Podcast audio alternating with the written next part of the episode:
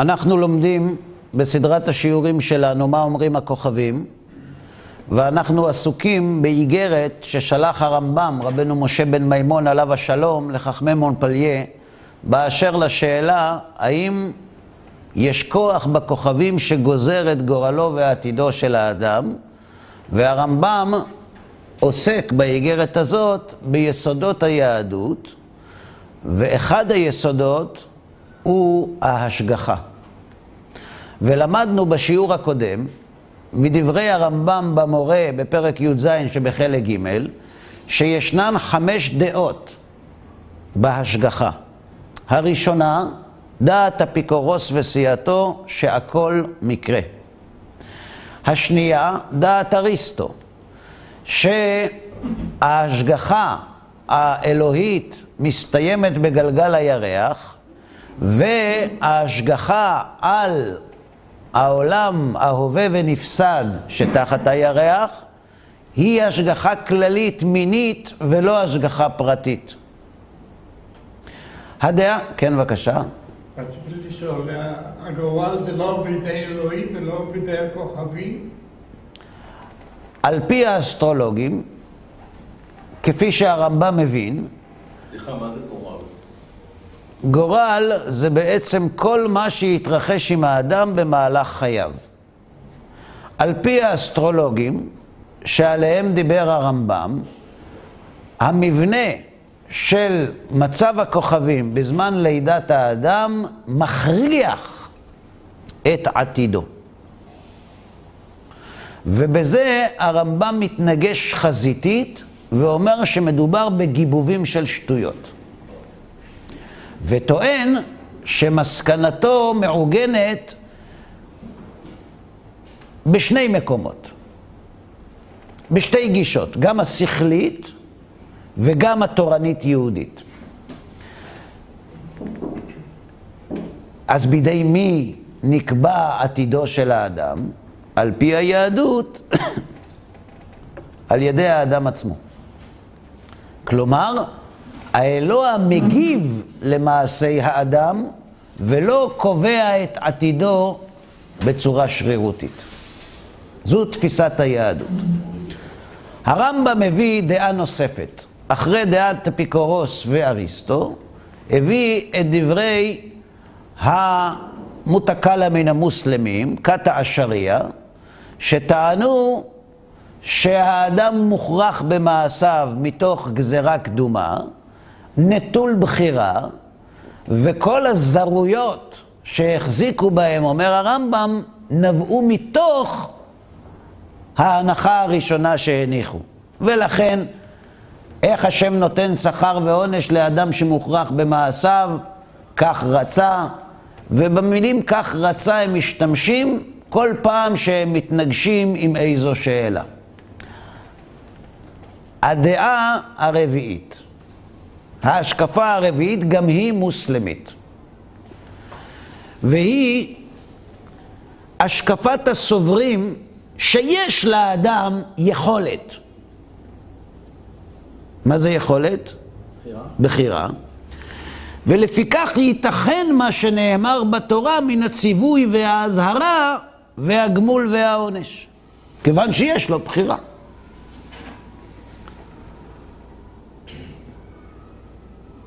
וסוברים שכל מעשה השם תוצאה של חוכמה, ושחלילה לא מעוול. מה זה עוול? לעשות לצדיק רע. זה דבר שמתנגש עם המוסריות, בשונה מכת העשריה, שפרשה מן הכת הזאת. ואינו מעניש מיטיב. וגם המועתזילה סוברים השקפה זו. ואף על פי שאין יכולת האדם לדעתם מוחלטת, כלומר, זה שאמרנו שלאדם יש יכולת, היא יכולת מצד מה ואי יכולת מצד מה. כלומר, יש לאדם הבחירה, אבל היא לא מוחלטת. אגב, הדעה הזאת הסתננה גם אל תוך חכמי, חלק מחכמי ימי הביניים היהודיים, כפי שנראה בעזרת השם בהמשך. והם גם בדעה שהוא יתעלה, יודע נשירת אותו העלה ורמיסת נמלה זו, ושהשגחתו בכל הנמצאים. ומתחייבת גם מהשקפה זו זרויות וסתירות. זאת אומרת, במה שונים אנשי כת המועטזילה מכת העשריה? בטענה שיש לאדם בחירה. היא אמנם לא מוחלטת, אבל יש לו. ושחלילה לא מעוול. כלומר, שההנהגה האלוהית היא הנהגה מוסרית. אבל בשאר הדברים הם סוברים כמו אנשי כת העשריה. מה זה אומר לא מוחלטת, הרב? כשנעסוק בכך בהרחבה, נסביר. מה זה שאר הדברים? תכף נראה. מה הזרויות שיש בתפיסה שלהם? מה שמקצת אישי בני האדם נולדים בעלי מומים והם לא חטאו. אז מה הם אמרו? תוצאה של חוכמתו. לא כך רצה, אלא זה חלק מחוכמת האלוה, לעשות ככה. וכך יותר טוב ביחס לאדם הזה שיהיה כך, זה, זה יותר טוב בשבילו. אלא שאין אנו יודעים מהות הטוב הזה. כלומר, למה השם ברא אדם בלי יד? זה רע, וחלילה לא מעוול, והוא לא חטא. זה לא רע, זה יותר טוב בשבילו. איך יותר טוב בשבילו? לא יודעים. אבל כך ראתה חוכמתו. ואין זה על דרך העונש, לא. למה זה לא על דרך העונש? כי הוא לא חטא, אלא על דרך ההטבה אליו. אה, וכך היא תשובתם גם ביחס למה? באובדן החסיד. למה חסיד מת? מה קרה? להרבות גמולו לעתיד לבוא. זה בשביל ש... סתם הוא מתבזבז פה, שילך שם יקבל כבר שכר הרבה יותר טוב בשבילו. ועד לידי כך הגיעו הללו כאשר נאמר להם, ומדוע נהג בצדק באדם ולא עשה כן בזולתו? ובאיזה חטא נשחט בעל החי הזה? מה עשה בעל החיים הזה שהרגו אותו? והביאו עצמם לידי זרות במה שאמרו, כי זה יותר טוב לו. למי? לכבש. כדי שיגמלהו השם לעתיד לבוא. כלומר, על פי כת המועטזילה, מה שאמרו כל ישראל יש להם חלק לעולם הבא, יש להרחיב. כל הכבשים והעיזים שהכניסו אנשי המועטזילה לתוך החדר או לתקציב, יש להם חלק לעולם הבא. כן, בבקשה. יש, אומרים שיש חלק לעולם הבא. ואיך מגיעים לעולם הבא? איך מגיעים לעולם הבא? לא באוטובוס. גן עדן? לגן עדן, לעולם הבא. זו דרך ארוכה. כשחז"ל אמרו, כל ישראל יש להם חלק לעולם הבא, הם ביקשו לתת לנו תקווה. לומר שאם... לחיות בתקווה. לא, לא. לחיות בתקווה זה יפה, אבל יותר מזה, הם ביקשו לומר לנו שאם תתאמץ, אתה מסוגל. אין אדם שמתאמץ לריק. ואם תתאמץ, זו דרך ארוכה, אבל יש לך פוטנציאל, ואיתו אתה יכול להגיע לעולם הבא. ברוח. זה מחלוקת בין הראשונים, מהי מהותו של העולם הבא. האם היא מהות גשמית ורוחנית, או רק רוחנית. לדעת חלק מן הראשונים, מדובר בגוף ובנשמה כשהם בעולם הבא. ולדעת חלק מן הראשונים, מדובר על עולם רוחני בלבד. השאלה מי צודק, על כך משיב הרמב"ם, ולא נדע מה שיהיה קודם שיהיה. מה הרמב"ם מבקש להגיד לנו במשפט הזה? הרמב"ם מבקש להגיד מתוך מה שלא, מה כן. כל מה שאתה צריך בשביל לקבל החלטה בעולם הזה, חייב להיות ודאי אצלך. כל מה שלא קשור לקבלת ההחלטה, לא נדע מה שיהיה קודם שיהיה. כדי לדעת אם אני צריך לקיים מצוות, זה בכלל לא משנה אם יש עולם הבא, ואם הוא עם גוף ועם גבייה ונפש, או רק עם נפש, זה בכלל לא משנה. המחויבות שלנו לתורה ולמצוות, המחויבות הזאת נובעת מן המפגש שלנו עם הקדוש ברוך הוא בהר סיני, ואת זה אפשר להוכיח.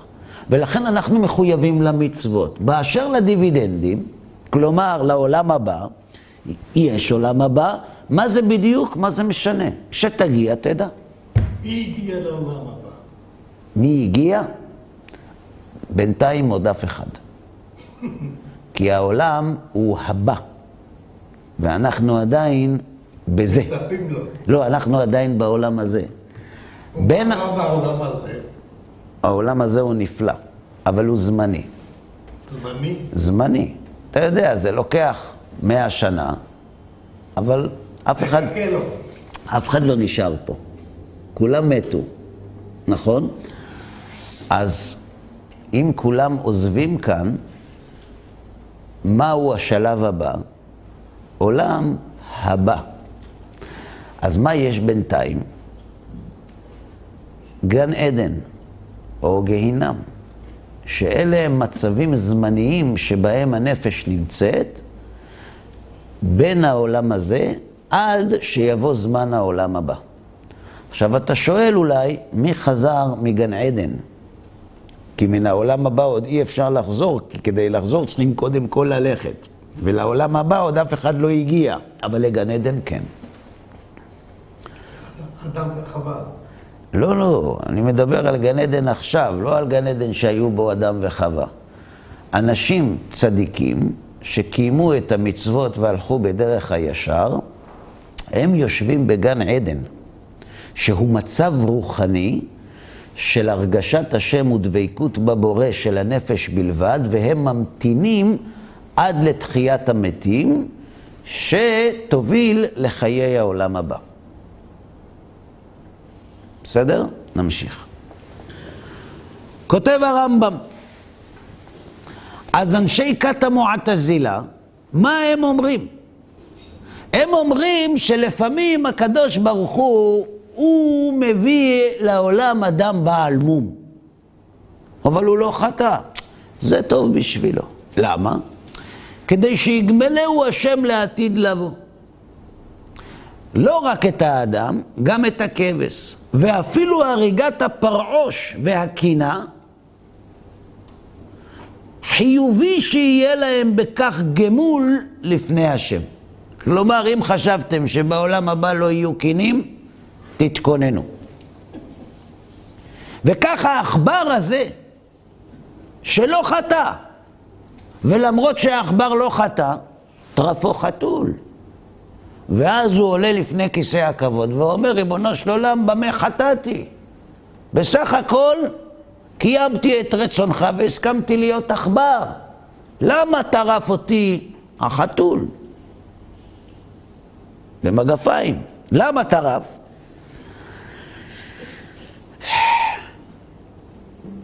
אמרו, כך גזרה חוכמתו לעכבר זה, ואם יש לך תלונות, תקשיב. כשתבוא לגן עדן ותראה מה השכר שאתה מקבל על זה, אם תתחרט נחזיר אותך. ואם אף אחד לא חזר משם, זה אומר שכל מי שהגיע לגן עדן לא יתחרט. נכון?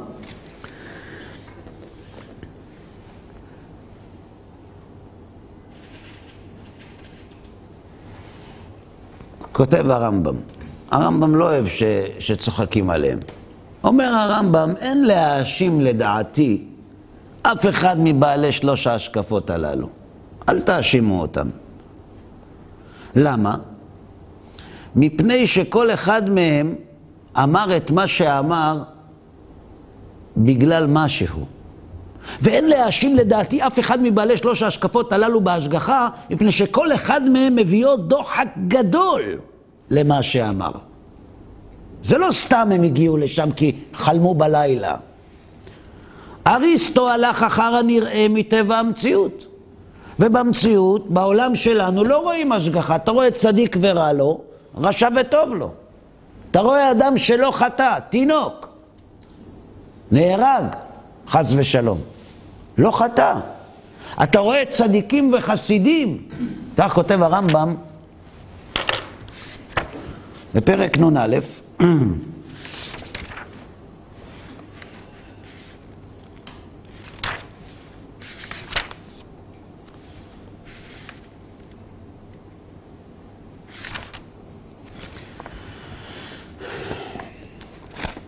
כותב הרמב"ם בחלק שלישי בפרק נ"א,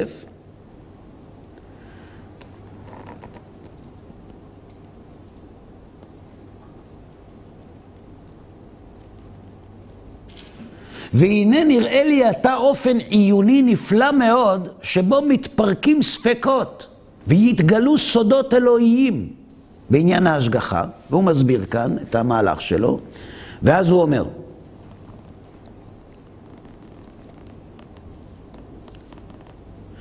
ואם היה הדבר כן, הרי הותר ספק גדול, אשר הביא את הפילוסופים לשלול את ההשגחה האלוהית מכל אחד ואחד מבני האדם, וישבו ביניהם ובין פרטי שאר מיני בעלי החיים. מה, מה גרם לפילוסופים לומר שאין השגחה? והייתה ראייתם על כך שחסידיהם הטובים יראו בהם פגעים גדולים. איך זה יכול להיות? אומר הרמב"ם בפרק י"ז, למה אתה לא יכול להאשים את אריסטו שאמר שאין השגחה פרטית? כי אריסטו הלך אחר הנראה מטבע המציאות, ובטבע אין השגחה. והשריעה, למה הם הגיעו למסקנה שהם הגיעו? ברחו מלייחס לו יתעלה אי ידיעה בשום דבר. כי אם אתה אומר שיש בחירה חופשית, באיזשהו מקום אתה מגביל את הידיעה האלוהית, וידיעתו היא אינסופית. אם יש לי בחירה, אלוהים הרי לא יודע מה אני אבחר, כי אם הוא יודע מה אני אבחר, ידיעתו מחייבת את בחירתי, וממילא אין כאן בחירה אלא גזרה. אז מה עדיף שנגיד? שיש לאדם בחירה ואז יש שכר ועונש, או שנגיד, והקדוש ברוך הוא חלילה לא יודע, או שנגיד, לא, הוא כן יודע, אבל אין שכר ועונש. מה חיסרון יותר גדול? להגיד שהאלוה לא יודע, לכן הוא יודע. אז מה עם השכר והעונש? זה ככה רצה. כן, בבקשה. אריסטו זה יהודי? אריסטו, אה, יש הרבה אנשים שהיו מאוד שמחים שהוא היה יהודי, אבל הוא לא היה, הוא היה יווני. יווני? Mm-hmm. הוא היה תלמיד של אפלטון. מי זה פלטון? אפלטון היה תלמיד של סוקרטס, שהם היו פילוסופים יוונים. יוונים? Mm-hmm. והם היו עוסקים בתורה? בתורה שלהם, בחוכמה הם היו עוסקים. בחוכמה שלהם? כן.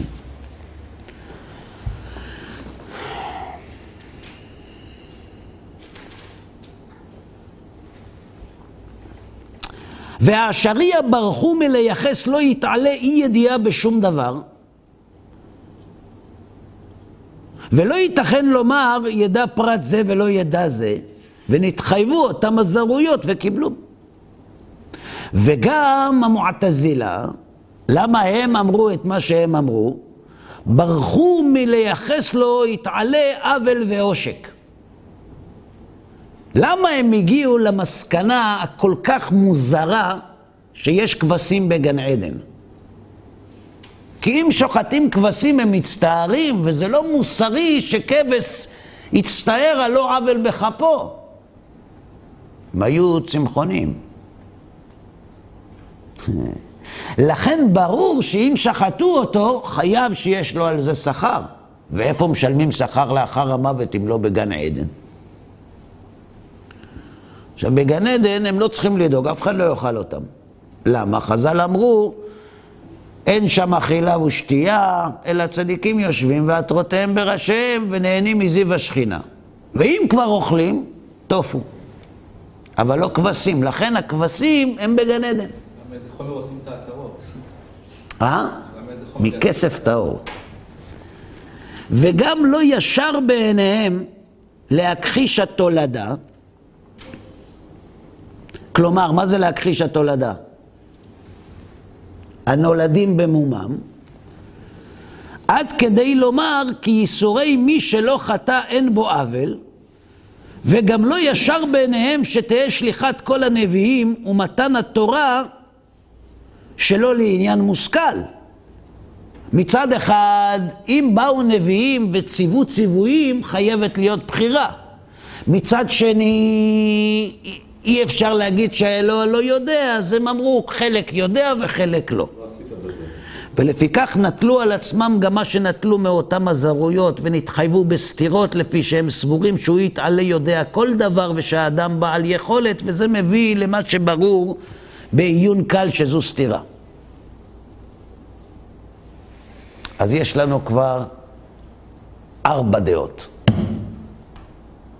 אפיקורוס, אריסטו, העשריה ומועטזילה. וכל זה הבאנו רק בשביל להגיע לכאן. וההשקפה החמישית היא השקפתנו. כלומר, השקפת תורתנו. ואני אודיעך בזה מה שנאמר בספרי נביאנו, והיא הדעה שקיבלו הרוב חכמינו. למה הוא אומר רוב? כי היו כאלה שלא קיבלו.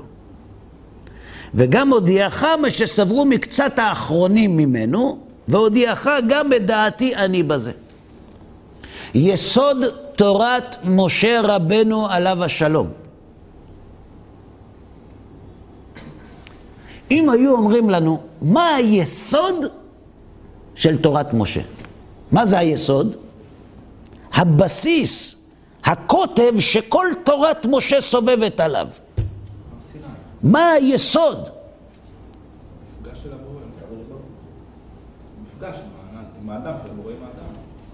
שהאדם הוא בעל יכולת מוחלטת. כלומר שיש בטבעו ובבחירתו וחפצו לעשות כל מה שביד האדם לעשות, בלי שייברא לו שום דבר מחודש כלל. כלומר, אומר הרמב"ם, אתה יודע מה היסוד שכל היהדות יושבת עליו? שהעולם נברא? לא חייב. שיש לאדם בחירה. כלומר, אם אין לאדם בחירה, אין יהדות. לא תהיה התגלות בהר סיני אם האדם נטול בחירה. בחירה בהכל הוא אמר. כן? ושיהא האדם בעל יכולת על כל אשר יחפוץ או יבחר ממה שיש לו יכולת עליו. וזהו יסוד שתודה להשם לא נשמע כלל באומתנו הפכו. אין דעה אחת ביהדות שטוענת, אומר הרמב"ם, שהאדם אינו בעל יכולת עצמית. זה יסוד אחד. והיסוד השני, וכן מכלל יסודות תורת משה רבנו שהוא יתעלה אין עוול לפניו בשום פנים ואופן. כי כל דרכיו משפט, אל אמונה ואין עוול, צדיק וישר הוא. זה יסוד נוסף. מצד אחד האדם הוא בעל בחירה, מצד שני אין עוול לפניו. זה שכר הרב? נגזר מזה. מה נגזר משני היסודות האלה? שכל הבעל בני האדם מן הייסורים, או מה שמגיע להם מן הטוב, האדם היחיד או הציבור, הכל מפני שהם ראויים לכך במשפט הצדק אשר אין עוול בו כלל. ואפילו ניגף האדם בקוץ וידו, בידו, וסילקו, הרי זה לא עונש. ואפילו השיג הנאה כלשהי, יהיה זה לו גמול. וכל זה להיותו ראוי לכך. והוא אמרו יתעלה ככל דרכיו משפט. אלא שאין אנו יודעים האח נעשו ראויים. מלמד אותנו כאן הרמב"ם יסוד. אנחנו יודעים שאין עוול לפניו. אנחנו יודעים שכל דבר שקורה בעולם, עונג או ייסורים, הוא במשפט. אז מה אנחנו לא יודעים? על מה בא העונג ועל מה באו הייסורים. באופן כללי אנחנו יכולים לדעת, אבל באופן פרטי אנחנו לא יכולים. חטא. נכון, זה באופן כללי. אבל על איזה חטא בדיוק? רגע, ונולד גידם הרב? רגע, שנייה, רגע, רגע. על, זה כבשונו של עולם. על איזה חטא אנחנו לא יודעים? רצח. אנחנו לא יודעים. זאת אומרת, כאשר אדם נענש, אנחנו יודעים שזה במשפט. אנחנו יודעים איזה עונש מגיע על רצח. אנחנו יודעים איזה עונש מגיע על חילול שבת. אנחנו יודעים. אבל אנחנו לא יודעים לחבר שזה קרה בגלל זה, את זה אנחנו לא יכולים לעשות. למה? כי אנחנו לא נביאים. אנחנו לא נביאים. כיוון שאנחנו לא נביאים, אנחנו לא יכולים לדעת את החיבור. ברור? אה? גם לי"ג. לא יכולים. על ידי בית משפט. אנחנו מדברים על עונשי שמיים. עונשי בית דין, אתה צודק. כאשר אדם חטא, נגיד אדם גנב, בית הדין מטילים עליו עונש, הוא צריך לשלם קרן וקנס. מה זה הקרן? הקרן, הוא גנב 100, מחזיר 100. כן. אבל חוץ מהמאה הוא מחזיר עוד 100. זה הכפל. עכשיו, כשאומרים לו תשלם כפל, אנחנו יודעים על איזה חטא הוא משלם כפל, כי זה נקבע בבית דין של מטה. אבל עונשי שמיים, אומר הרמב"ם, אנחנו לא יכולים לדעת בחטאים הפרטיים ובעונשים הפרטיים, איזה חטא קשור לאיזה עונש. למה צדיק ברע לו ורשע בטוב לו? זו שאלה טובה, שהרמב"ם עוסק בה בפרק נ"א במורה הנבוכים. כשנגיע לשם נעסוק בזה, כי אי אפשר לעסוק בזה בקצרה ולא בדרך אגב. נמשיך.